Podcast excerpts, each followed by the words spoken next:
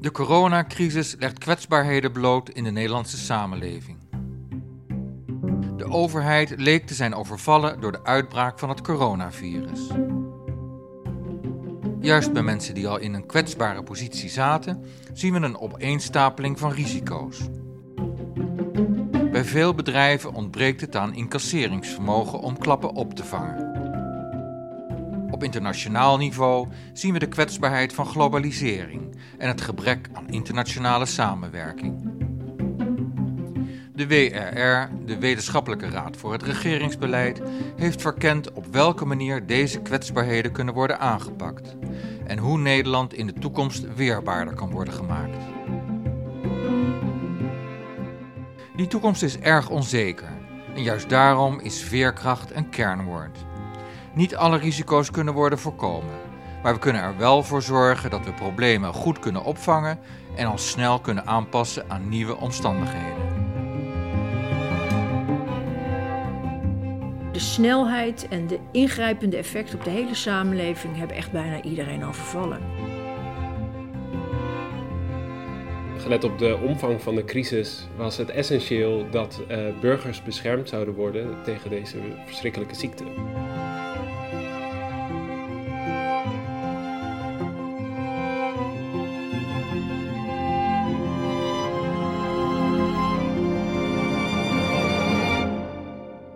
Uitloop van wat mogelijk een eerste golf van besmettingen was, brengt de WRR een notitie uit met bespiegelingen over hoe de wind in Nederland de komende jaren mogelijk gaat waaien en welke koers de samenleving daarin zou kunnen varen. De titel: Kwetsbaarheid en veerkracht. Katrien Bijleveld, raadslid bij de WRR, en staflid Bart Stellinga zijn opstellers van deze notitie. U hoorde hun stemmen al. Niettemin is vrijwel de hele WRR betrokken bij de inhoud. Een paar kanttekeningen vooraf. Enerzijds hebben we een crisis die heel snel om zich heen pakt. En tijdens crisismanagement is er vooral behoefte aan concrete suggesties die op de korte termijn kunnen worden geïmplementeerd. En ten tweede is het lastig om te adviseren omdat er grote onzekerheden zijn over het verdere verloop van de crisis en over de consequenties ervan.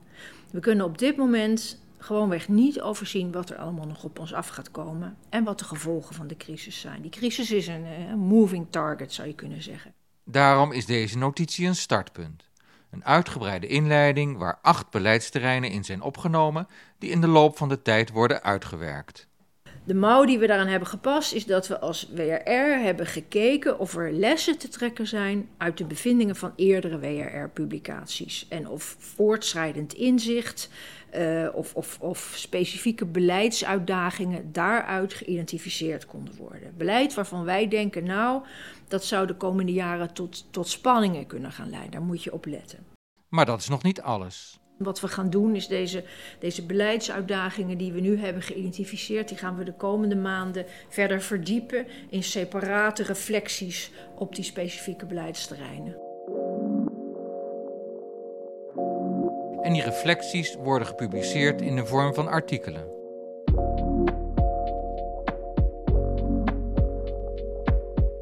De afgelopen maanden waren alle ogen gericht op Den Haag want daar kwam de meeste informatie vandaan en werden maatregelen genomen.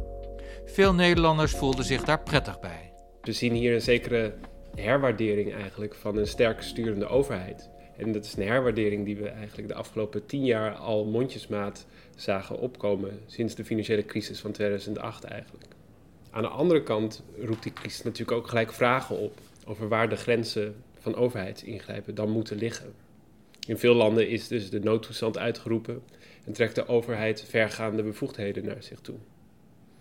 Ook in Nederland is hier natuurlijk discussie over hoe verhoudt deze rol zich tot rechtsstatelijke principes.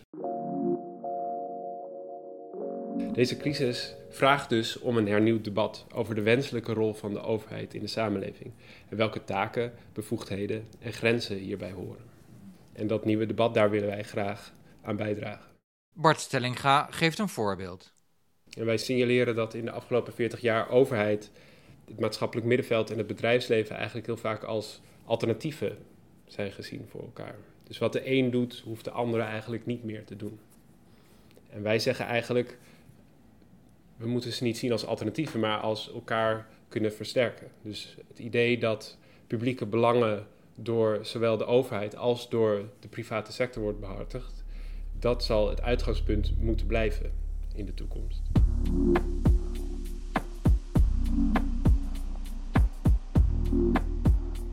De crisis laat de kwetsbaarheid van onze arbeidsmarkt met veel flexwerkers zien. Voor veel bedrijven is dat misschien een uitkomst. Voor de flexwerkers zelf is het vaak een bittere pil. We gaan waarschijnlijk een flink hoge werkloosheid krijgen. En dat zal vooral bij flexibele arbeidskrachten gaan vallen. Um, die crisis roept dus vragen op over de toekomst van de arbeidsmarkt en over de sociale zekerheid. De verhouding flexwerk en vastwerk moet tegen het licht worden gehouden. En de vraag is ook: hoe vangen we op de lange termijn dergelijke klappen op? Ook ons stelsel van sociale zekerheid moet toekomstbestendig worden gemaakt. De WHR heeft recentelijk deze materie bestudeerd. Ja, daar hebben we net een rapport over uitgebracht, of althans een rapport dat daar ook op ingaat, het betere werk. Uh, en, en, in dat rapport kun je ook lezen hè, dat het uitgangspunt volgens ons van de sociale zekerheid in Nederland moet zijn dat iedereen eraan bijdraagt en ook iedereen kan terugvallen op reserves als zijn of haar werk wegvalt. Want op het gebied van flexwerk zijn de lusten en de lasten uit balans. In het betere werk, in dat rapport, daar hebben we het over zogeheten contractneutrale basisverzekeringen. En dat is eigenlijk het, het, idee dat je moet gaan implementeren dat sociale voorzieningen niet exclusief gekoppeld worden aan het type dienstverband dat iemand heeft. Nou, en je zou kunnen zeggen uh, hè, dat door die coronacrisis is dat nog wel eventjes uh, extra scherp duidelijk gemaakt dat daar wat aan moet gebeuren. En door de coronacrisis is een actief arbeidsmarktbeleid nog urgenter geworden. Je moet natuurlijk ook proberen om mensen die hun werk nu verliezen snel weer aan het werk te krijgen. En Nederland doet relatief, als je dat vergelijkt met Europa, daar vrij weinig aan. Vrij weinig aan actief arbeidsmarktbeleid. Dus, dus cursussen, begeleiding, opleiding en andere steun, daar mag echt wel wat veranderen.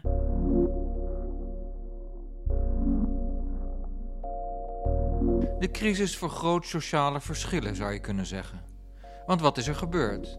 Ja, je ziet uh, natuurlijk dat die ziekte zelf vooral ouderen uh, raakt en mensen bij wie al sprake is van onderliggend lijden of slechtere gezondheid in een of andere vorm. Uh, maar je ziet ook dat de gevolgen zich extra zwaar manifesteren bij mensen die in een kwetsbare maatschappelijke positie verkeren. En de crisis verergert daarmee de bestaande sociaal-economische en sociaal-maatschappelijke problematiek. Maar ook voor andere groepen zijn er consequenties. Je ziet ook in deze crisis dat ook nieuwe groepen in de knel komen. En denk dan bijvoorbeeld aan jongeren die aan het begin van hun loopbaan zitten, die door de crisis nu echt heel lastig aan werk kunnen komen. En in vitale sectoren, zoals in de zorg en het onderwijs, is sprake van een heel sterke toename van werkdruk, met mogelijk ook fysieke en psychische gezondheidsklachten. Hoe lang dit precies gaat duren, dat is natuurlijk heel lastig om te voorspellen. Maar je mag verwachten uh, dat de gevolgen van deze crisis op deze vlakken nog lange tijd aanwezig zullen zijn in Nederland. Leven er al ideeën over hoe we aan die problemen tegemoet kunnen komen? We denken dat het erg belangrijk is om te zorgen dat je uh, mensen helpt om te voorkomen dat ze in een neerwaartse spiraal komen. Dat het van kwaad tot erger gaat. En hoe kun je dat doen? Er zijn een aantal uh, instrumenten voor die je daarvoor in kan zetten. Goed monitoren, kijken wat er gebeurt. Actief hulp verlenen en uh, ruimhartig toepassen van regels. Bijvoorbeeld als je denkt aan schuldaflossing.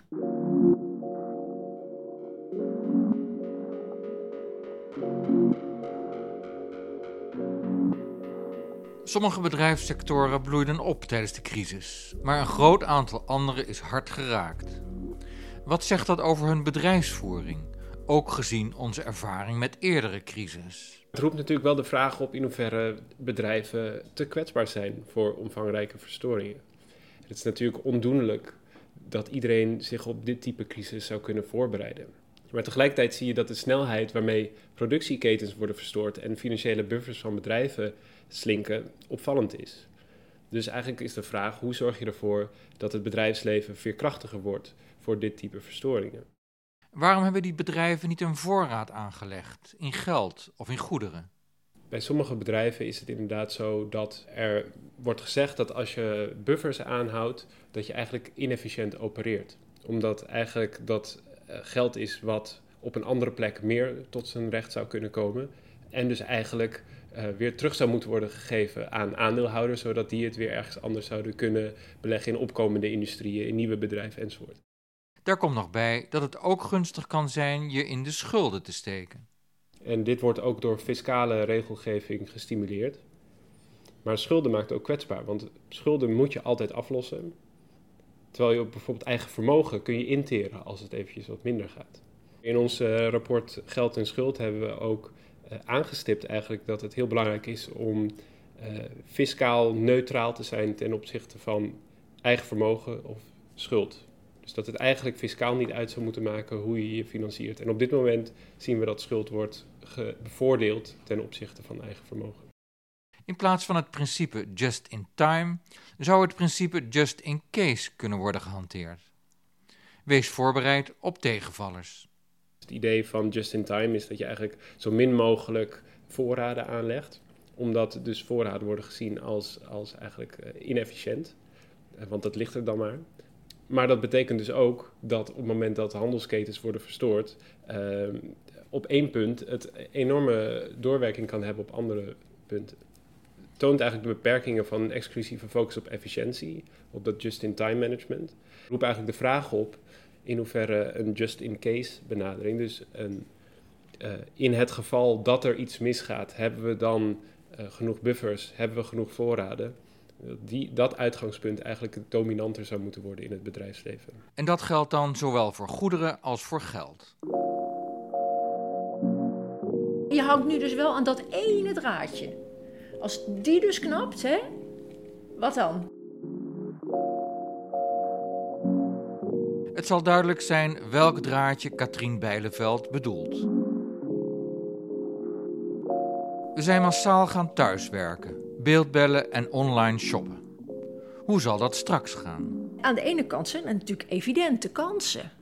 Wat als we meer gaan vergaderen? Voor een deel van de vergaderingen moet dat prima kunnen.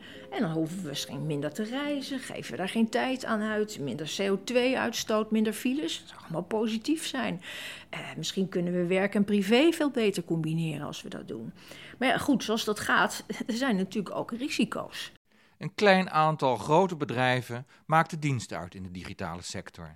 Hoe zit het dan met onze privacy? Hoe zit het met de veiligheid? En, en, en wat je ook hoort is, uh, ja, het is wel lekker efficiënt om veel te vergaderen met, nou ja, Zoom of uh, wat je ook voor medium gebruikt. Maar het, het is ook een, een evidente verschraling, uitholling, hoor je mensen zeggen, van hun sociale leven. Omdat mensen ook heel erg veel behoefte hebben aan die sociale contacten en om toch even op kantoor rond te lopen en daar niet te vergaderen, maar toch eens een keer een praatje te maken. Dus terwijl online belangrijker wordt, worden ook offline activiteiten waardevoller, ook in functionele zin. Doen we al dat het aankomt op gewoon dus met z'n, met z'n allen creatieve nieuwe oplossingen verzinnen, dan merk je toch wel dat mensen elkaar heel erg missen. En, en, en ja, juist die losse gesprekjes waar je eens een beetje tegen elkaar aankletst, daar moet je toch soms wel van hebben. Want we moeten niet doorslaan in wat wij wel techno-optimisme noemen. Namelijk het idee dat je heel veel dingen met techniek kunt oplossen. Je krijgt ongewenste afhankelijkheden hè, van grote techbedrijven en van andere landen hoe we hiermee doorgaan en welke waarborgen we daarbij moeten hebben, dat is een hele prominente. En daarom gaat ook onze eerstvolgende artikel, dat verder verdiept wat er in deze notitie wordt gezegd, gaat specifiek over dit onderwerp, over de digitale kansen en de digitale risico's.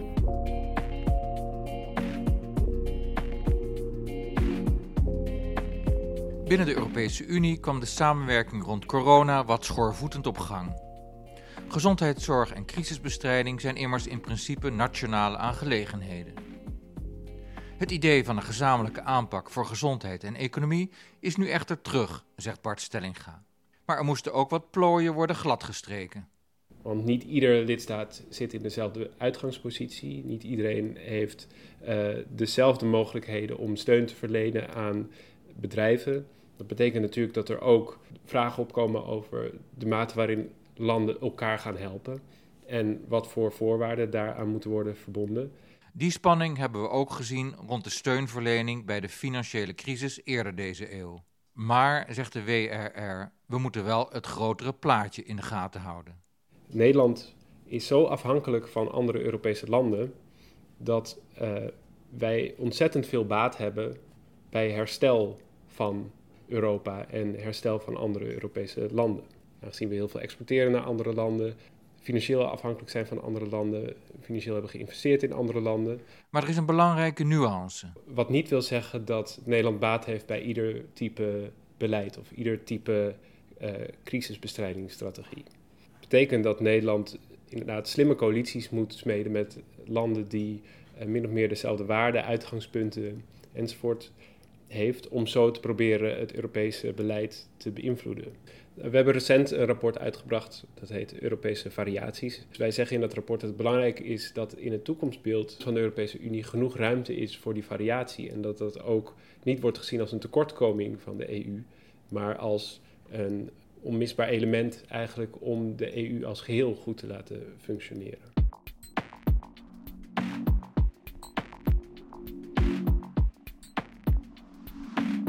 Onze internationale verwevenheden hebben ons in het verleden veel gebracht, maar maken ons in dit geval dus ook kwetsbaar.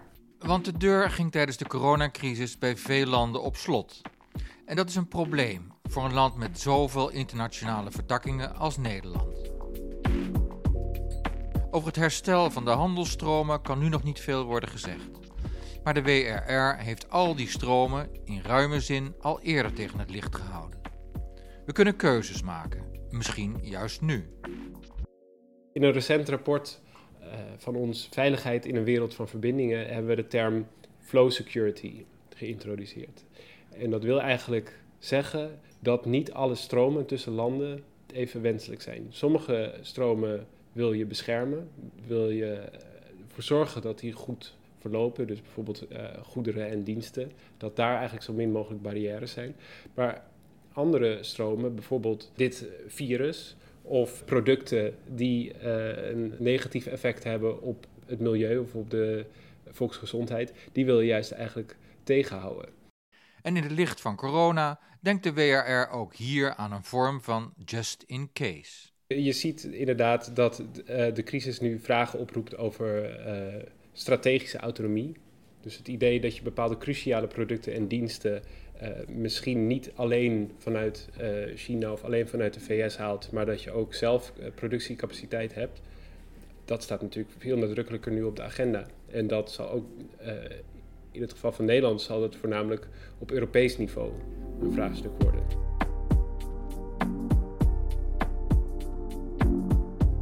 En aan het eind van de rit wordt de rekening gepresenteerd. Deze crisis gaat met veel economische schade gepaard en de publieke kosten om de economie te stutten en om herstel vervolgens te bevorderen, die zullen zeer omvangrijk zijn en dat gaat offers vragen. Wie gaan de komende jaren die offers brengen en hoe? We hebben daar naar gekeken en we hebben daar drie uh, beleidsuitgangspunten bij geformuleerd. Uh, en de eerste die uh, gaat erover dat er uh, verschillende manieren zijn om die schuldenlast draaglijk te houden. Je kunt denken aan hogere inflatie of lage rentes, belastingverhoging, bezuiniging. Dat kan allemaal bijdragen aan het betaalbaar houden van die schulden. Um, wij denken dat het belangrijk is um, dat je realiseert dat het waarschijnlijk niet om één strategie zal gaan. Sta je daar niet op blind. Het kan ook een combinatie zijn. Tweede punt, wat erg belangrijk is in tijden van herstel, is om vertrouwen te creëren. Als de overheid snel en hard zou gaan bezuinigen, dan kan dat vertrouwen schaden en dat kan dan juist op macroniveau weer de situatie verergeren. Dus soms is pragmatisme dan beter.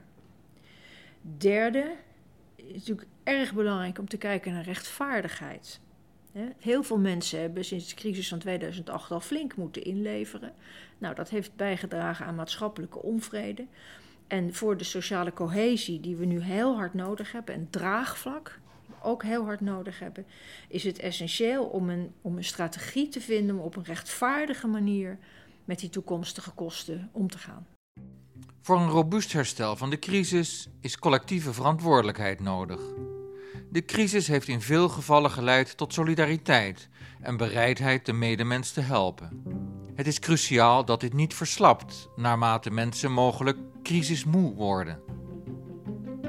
Ook is samenwerking tussen de overheid, maatschappelijke organisaties en het bedrijfsleven onmisbaar. De overheid kan het niet alleen en zal dus medewerking en inzet nodig hebben van deze andere partijen. Ten slotte vereist herstel samenwerking op internationaal niveau. De gezondheidscrisis en de gevolgen ervan laten zien hoezeer landen elkaar nodig hebben. De crisis heeft een aantal belangrijke kwetsbaarheden in onze samenleving blootgelegd. Het is daarom van groot belang om te streven naar een veerkrachtiger en evenwichtigere samenleving. De volledige notitie waar deze podcast op is gebaseerd kunt u downloaden op wrr.nl. Daar kunt u ook de verdiepende artikelen raadplegen die de komende tijd verschijnen, waar thema's in staan die u nu misschien heeft gemist. Er zijn nog meer aspecten van deze crisis die eigenlijk een beetje door die punten heen gewoven zitten. Dat gaat over dingen als duurzaamheid, klimaat. Het gaat over de zorg. Dus we weten nog niet precies wat er wanneer uit gaat komen. Maar dat zijn typisch ook aspecten waar we mogelijk op een gegeven moment een verdieping aan wijden. Maar zoals gezegd, de crisis blijft een moving target en het is lastig om erop te schieten.